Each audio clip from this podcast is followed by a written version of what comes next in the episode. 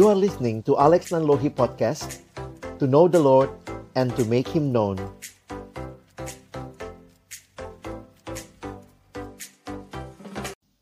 2 Korintus pasal yang ke-12 ayat yang ke-8 sampai ayat yang ke-10. Tentang hal itu, aku sudah tiga kali berseru kepada Tuhan supaya utusan iblis itu mundur daripadaku. Tetapi jawab Tuhan kepadaku, Cukuplah kasih karuniaku bagimu, sebab justru dalam kelemahanlah kuasaku menjadi sempurna. Sebab itu, terlebih suka aku bermegah atas kelemahanku, supaya kuasa Kristus turun menaungi aku. Karena itu, aku senang dan rela di dalam kelemahan, di dalam siksaan, di dalam kesukaran, di dalam penganiayaan, dan kesesakan oleh karena Kristus. Sebab jika aku lemah, maka aku kuat. Tema perenungan kita hari ini adalah more than enough. Di dalam kehidupan kita, ada begitu banyak hal yang kita hadapi.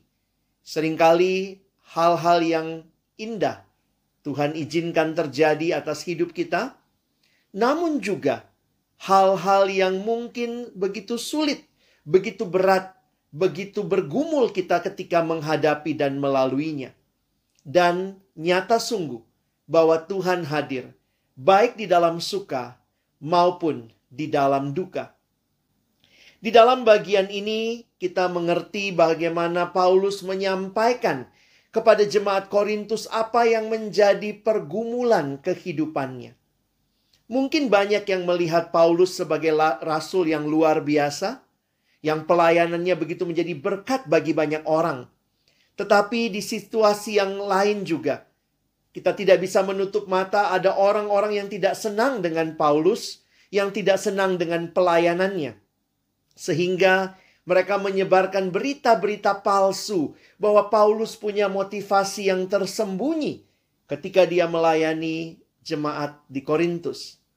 Di dalam surat 2 Korintus ini, Terlihat dengan jelas bagaimana Paulus menceritakan apa yang mendasari pelayanannya.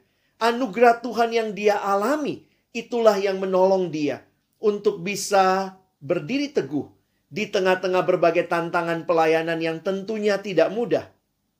Kalau kita baca di dalam pasal 12 ini, kita melihat bagaimana pengalaman Paulus di tengah-tengah pelayanan dia sharingkan. Nah, ada hal yang menarik ketika kita memperhatikan apa yang Paulus tuliskan di dalam bagian ini. Ketika Paulus menyatakan di dalam ayat yang ketujuh, dan supaya aku jangan meninggikan diri karena penyataan-penyataan yang luar biasa itu, maka aku diberi suatu duri di dalam dagingku, yaitu seorang utusan iblis untuk menggocoh aku supaya aku jangan meninggikan diri. Saudara-saudara yang dikasihi dalam Tuhan Yesus Kristus, ada satu pergumulan yang Paulus alami di dalam pelayanannya yang kelihatannya begitu luar biasa, yaitu pergumulan dengan kelemahan diri yang dia alami. Istilah yang Paulus pakai di dalam 2 Korintus 12 ayat yang ketujuh, duri di dalam daging. Mungkin kita pernah mengalami ketusuk duri yang kecil yang sangat-sangat tipis, lembut, tetapi begitu tajam masuk ke dalam daging kita. Dan rasanya tidak bisa kalau bertinggal begitu saja kita mau mengeluarkannya. Gambaran duri di dalam daging ini, itulah yang Paulus alami di dalam pelayanannya. Ada banyak penafsir mencoba memberikan apa yang menjadi duri dalam daging bagi Paulus. Ada yang mengatakan ini adalah suatu penyakit yang mungkin Paulus alami. Ada juga yang mengatakan mungkin ada kelemahan diri yang lain ataupun tantangan pelayanan yang begitu banyak yang Paulus alami. Tetapi yang menarik adalah kita melihat bagaimana Paulus menyimpulkan dari apa yang dia alami ini. Bagaimana kehadiran Kristus itulah yang menjadi kekuatan bagi dia di dalam melayani. Saya ingin mengajak kita melihat tiga hal yang juga menjadi refleksi kita bersama dengan Paulus ketika melihat kehadiran Allah yang sungguh nyata dalam hidupnya. Yang pertama, kita diingatkan untuk tidak meninggikan diri. Prestasi yang Paulus alami dalam pelayanannya, begitu banyak hal yang sudah dia lakukan, begitu luasnya cakupan pelayanan yang dia lakukan, tetapi Paulus mengingat bahwa semuanya bukan dari dirinya, tapi semata-mata dari Allah. Prestasi tidak membuat Paulus melupakan Tuhan. Dan dia mengatakan dua kali, supaya aku jangan meninggikan diri. Di awal ayat yang ketujuh, dan di akhir ayat yang ketujuh, sekali lagi, supaya aku jangan meninggikan diri.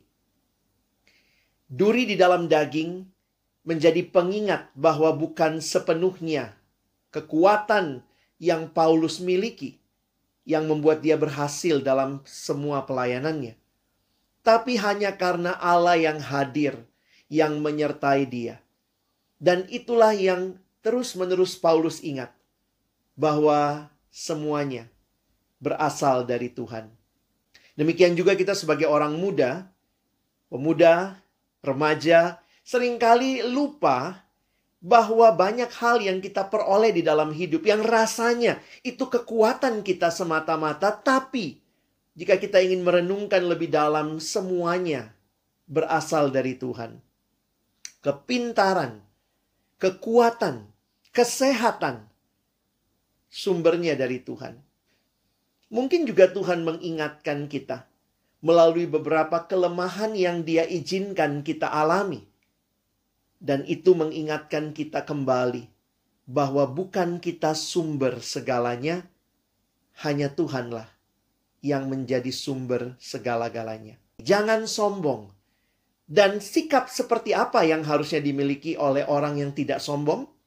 Sikap yang bersyukur. Karena bersyukur menjadi satu tindakan yang menunjukkan bahwa kita melihat kepada Allah kita bergantung kepada Allah, dan kalau kita berhasil, kita pun bersyukur memuji Allah. Kiranya perjalanan kita ke depan menjadi perjalanan yang terus bersyukur kepada Tuhan, terus meninggikan Dia di dalam kehidupan kita. Selanjutnya, yang kedua, kita pun diingatkan bahwa kehidupan ini begitu terbatas, tetapi anugerah Allah, kasih karunia Allah itu cukup bagi kita. Di dalam ayat 9a, tetapi jawab Tuhan kepadaku, cukuplah kasih karuniaku bagimu. Saudara yang dikasihi Tuhan, kasih karunia Allah cukup bagi kita. Di tengah-tengah pergumulan yang Paulus alami, tidak semua hal berjalan seperti yang Paulus mau. Masih ingat duri dalam daging? Bahkan Paulus berkata, sudah tiga kali ia bermohon kepada Tuhan. Ia berdoa kepada Tuhan. Tiga kali. Ingat, Yesus berdoa juga di Taman Getsemani. Dan kali yang ketiga, dia mendapatkan jawaban di dalam penyerahan diri kepada Allah, bukan kehendakku, tapi kehendakmu lah yang terjadi. Demikian juga pergumulan Paulus. Tidak semua yang Paulus minta Tuhan berikan. Kasih karunia Allah bukan berarti kita menerima semua yang kita mau, semua yang kita minta. Tetapi kasih karunia Allah mengingatkan kita bahwa itu cukup lebih dari cukup, more than enough, sesuai dengan apa yang Allah tahu terbaik bagi kita. Mungkin kita berpikir Tuhan lebih baik kalau saya dapat ini dan itu. Tapi Tuhan katakan tidak. Aku tahu yang lebih baik bagimu. Paulus memohon Tuhan, ambillah duri dari dalam dagingku supaya pelayananku makin luas mungkin. Supaya aku bisa melayani tanpa halangan-halangan. Tetapi Tuhan bilang, no. Kesempatan engkau menikmati anugerahku yang cukup bagimu. Di situlah kita menikmati kehadiran Tuhan yang penuh di dalam pelayanan kita.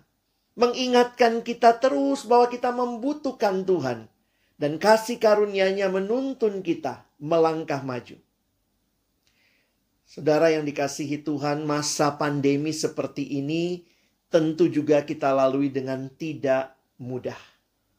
Mungkin banyak dari kita yang juga mengalami pergumulan, tidak sedikit orang muda, baik pemuda, remaja mengalami berbagai pergumulan dan tidak sedikit yang depresi, Saudara. Karena tidak bisa keluar rumah, melakukan ini itu sulit, di rumah terkungkung begitu rupa, ketika masuk ke kantor pun harus menjaga jarak. Ini semua menjadi perubahan yang mungkin tidak mudah buat beberapa orang. Tetapi kita pun bertanya, Tuhan mengapa? Sudah berdoa, belum ada jawaban, masih seperti ini. Jakarta dikatakan makin banyak yang mengalami penularan terinfeksi virus corona. Tapi ketika kita melihat kepada Allah, di dalam ketidakmengertian kita kepada rencananya yang sempurna, sadarkah kita bahwa kasih karunia-Nya cukup bagi kita? Tuhan tidak menjawab doa kita langsung seperti yang kita mau, tetapi di dalam pergumulan yang sulit, kehidupan saudara dan saya, Dia hadir Kasih karunia-Nya menguatkan kita. Keselamatan yang dari Tuhan. Ketenangan, damai sejahtera. Dia berikan di tengah-tengah badai sekalipun. Saudara, ingatlah kasih karunia Tuhan yang cukup itu bagi kita. Ketika kita menikmati relasi dengan Tuhan, alamilah kasihnya itu. Menguatkan kita, meneguhkan kita untuk melangkah maju. Mari periksa lagi relasi kita dengan Tuhan. Jangan-jangan situasi pandemi membuat kita marah, lalu kita meninggalkan Tuhan, kita tidak mau berdoa, kita malas membaca Alkitab. Katanya banyak waktu, tapi ternyata banyak waktu yang kita pakai untuk yang kita mau. Main game mungkin, hanya nonton televisi, nonton Netflix, kita lupa bahwa sebenarnya menikmati kekuatan dari Tuhan di dalam masa-masa ini. Beri waktumu untuk bersekutu dengan Tuhan, alami kekuatan daripadanya. Yang ketiga, kita diingatkan untuk mengalami kekuatan Allah yang sempurna. Tidak kebetulan Paulus menggunakan istilah yang sempurna. Karena kekuatan Allah itu tentunya sudah kita alami. Tetapi di dalam pergumulan kesulitan, kelemahan yang Tuhan izinkan terjadi di sekitar kita atau bahkan ada dalam diri kita.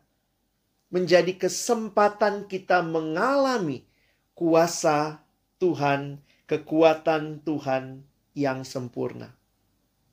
Jika kita melihat di akhir dari ayat 10, Paulus mengatakan, "Sebab jika aku lemah, maka aku kuat."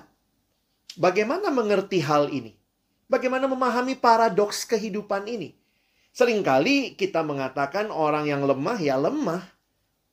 Kalau saya mengalami kekuatan Tuhan, saya pun jadi kuat.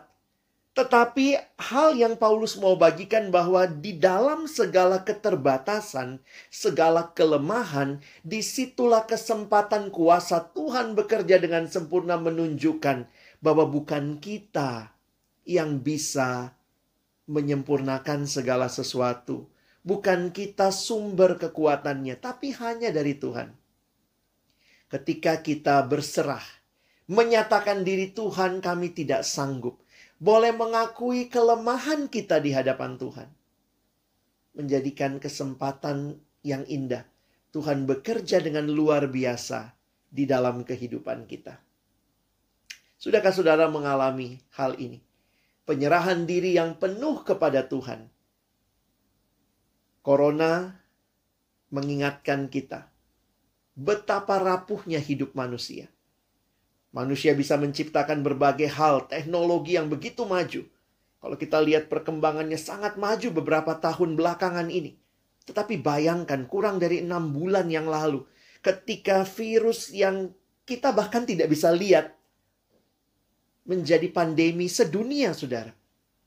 Ini mengingatkan kita, siapakah manusia yang bisa dibanggakan apa dari hidup kita?